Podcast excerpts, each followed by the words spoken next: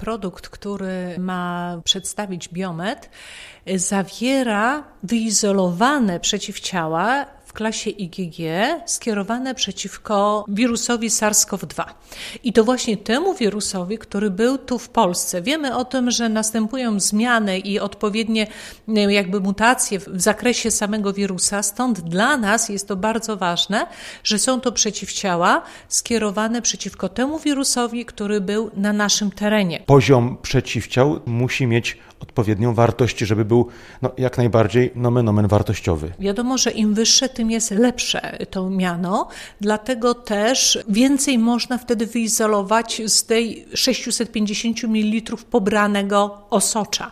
Natomiast z rozmowami z Biomedu, oni proszą o każde osocze, które ma te przeciwciała, po to, żeby jak najwięcej tego produktu w postaci leku przekazać do lecznictwa, żebyśmy my w razie czego mieli.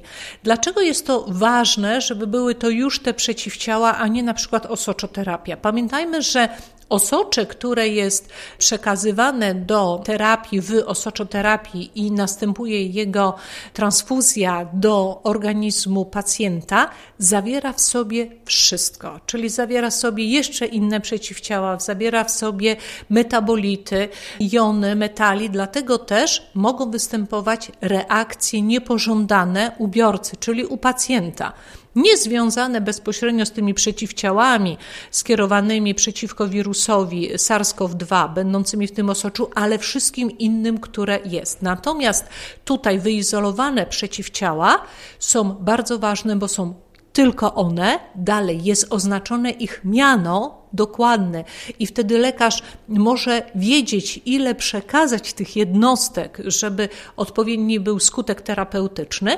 Natomiast w osoczu, no to my wiemy i dlatego daje się albo jedną jednostkę, albo dwie. Tutaj już jest dokładna terapia i dalej jest to czyste przeciwciało, czyli jest to bezpieczne i dla lekarza zlecającego, i to, co najważniejsze, jest to bezpieczne dla pacjenta. Mówimy o bagatela 150 litrach osocza, żeby produkcja leku mogła ruszyć? To jest w tym momencie około 200 ozdrowieńców, którzy by przyszli i oddali krew, czy też 200 jednostek pobranych po 650 ml w około.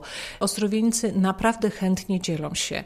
To jest takie budujące, że są to ludzie, którzy chcą pomagać i rzeczywiście przychodzą. Mówimy o ozdrowieńcach tylko z województwa lubelskiego. My jako regionalne centrum działające na terenie województwa lubelskiego możemy pobierać na terenie województwa lubelskiego. Jeżeli ozdrowieniec by przyjechał z Warszawy czy ze Śląska, to oczywiście my go przyjąć możemy, ale my nie możemy pojechać tam, czy robić kampanii, aby oddawali osocze na przykład górnicy ze Śląska. Dlatego też my będziemy dzwonić do tych ozdrowieńców, którzy już u nas byli. Każdy ozdrowieniec praktycznie może być y, potencjalnym dawcą? Niestety nie musi spełniać wymogi krwiodawcy, czyli w tym momencie między 18 a 60 rokiem życia nie może mieć chorób współistniejących, które wymagają ciągłej terapii, typu właśnie nadciśnienie czy nadczynność tarczycy, czy też genetyczne choroby, na przykład bielactwo, ta liczba osób, które mogą oddać krew nam się zmniejsza. Mam nadzieję, że ci, którzy jeszcze się obawiali albo źle się czuli, bo te osoby, które przechorowały COVID, no to jednak zgłaszały problem zmęczenia organizmu, a wiadomo, że trzeba być wypoczętym.